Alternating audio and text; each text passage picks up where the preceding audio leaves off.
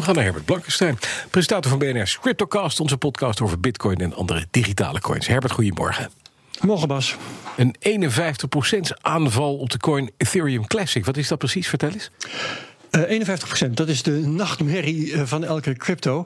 Het werkt zo, de transacties van veel coins worden bijgeschreven door miners. Dat is een soort competitie, maar er komt ook overeenstemming bij kijken.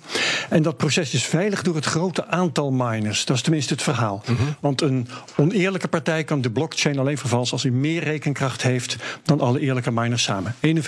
51% dus. Het idee is dat dat niet haalbaar is. De werkelijkheid is dat dat alleen geldt voor de coins pak en beet uit de top 20. Ja. En Ethereum Classic staat daar niet. Nee, dus buiten die top 20 ben je eigenlijk gewoon uh, rijp om, uh, om gepakt te worden. Nou, dat zou je kunnen zeggen. Het is ook al uh, vaker gebeurd. Uh, geldt alleen trouwens voor coins die het miningproces gebruiken. Dat doen ze niet allemaal. Maar Ethereum Classic dus wel. Het is een afsplitsing van de Ether die de tweede coin ter wereld is. Maar de Classic staat, ik geloof op uit mijn hoofd, de 26e plaats. Is de afgelopen week dus twee keer getroffen door een aanval. Waarbij iemand gewoon in de cloud computerkracht heeft gehuurd. Die meer was dan alle eerlijke miners bij elkaar. Mm-hmm. En die iemand kon zo de tijd als het ware terugdraaien. Dezelfde coins twee keer uitgeven. En dat kostte 2 ton aan cloud computing. En het leverde 5,5 miljoen aan winst op. Dat is snel gemaakt. Maar natuurlijk ook een flink. Wat zeg je? Dat is snel gemaakt, die winst. Ja, dat is uh, easy money. Ja. Um, het leverde ook een flinke koersval op voor de Ethereum Classic. Uh, al viel dat eigenlijk met een procent of tien nog mee. Ja, en dan is er een IT-bedrijf, niet eens een cryptobedrijf... dat voor 250 miljoen aan bitcoins koopt. Wat willen ze daarmee bereiken? Want ja, even, even tussendoor, de bitcoin is de laatste weken waanzinnig gestegen. Uh, ja, maar de laatste dag weer gedaald. Okay. Dus het is een ingewikkeld verhaal. Hij, hij hikt nu tegen de 12.000 aan. Okay. En dat gaat dan weer een beetje op en neer. En uh, nou ja, goed, we zullen wel zien wat er dan gebeurt. Het gaat hier om MicroStrategy. Dat is een beursgenoteerd bedrijf in business intelligence. Dus een bedrijf dat andere bedrijven helpt de inkomsten uit hun data te maximaliseren. Het gaat goed met dit bedrijf. Ze hebben een financiële reserve. Daar komt meer voor. Apple is er beroemd om, zoals je weet. Uh -huh. En een week geleden maakten ze bekend dat ze die reserve wilden beschermen tegen inflatie door het te beleggen.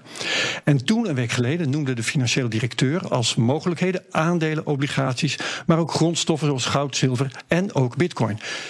Gisteren hebben ze bekendgemaakt dat alle 250 miljoen in bitcoin is gestoken. Ze hebben 21.454 bitcoins gekocht. Maak het sommetje. En dan is dat dus 11.650 dollar per bitcoin. Ja, dat is een goede zet dus. Nou, de bitcoinkoers staat nu 300 dollar lager. Ja, dus nee, ze staan al 6,5 ja. miljoen in de min.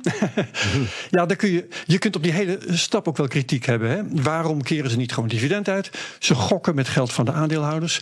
Uh, weten ze eigenlijk niks beter is om te investeren bijvoorbeeld in hun eigen activiteiten. Maar de beurs heeft het beloond, want na de bekendmaking gisteren steeg de koers met 12 procent. Dus zelfs ouderwetse aandeelhouders hebben vertrouwen in deze stap. Ja, het bericht gaat weer een hele andere kant op. Bitcoins zijn in toenemende mate in handen van kleine bezitters. En minder te vinden bij de zogeheten whales. De, de vorige uit, ja. uitgezonden dan, hè? Dat is precies, dat is dan de uitzondering. Um, ik heb een half jaar geleden aan Tuur de Meester gevraagd, econoom en bitcoin-expert is hij. Wat moeten we eigenlijk met een vorm van geld die zo oneerlijk is verdeeld, nog voordat die goed en wel is geaccepteerd? En Tuur zei toen dat, vanzelf, dat het vanzelf in orde zou komen, doordat die whales uiteindelijk toch stukje bij beetje hun bezit gaan verzilveren. En dat proces is blijkbaar bezig nu. Uh, onderzoeksbureau Glassnode heeft het onderzocht. Um, die zeggen in juni 2015 stond 5% van alle bitcoins op adressen met met minder dan 10 bitcoin. Intussen is dat gestegen naar 14 procent. En vijf jaar geleden stond 63% van alle bitcoin op adressen met 100 tot 100.000 bitcoin. Dat is nu gedaald naar 50%.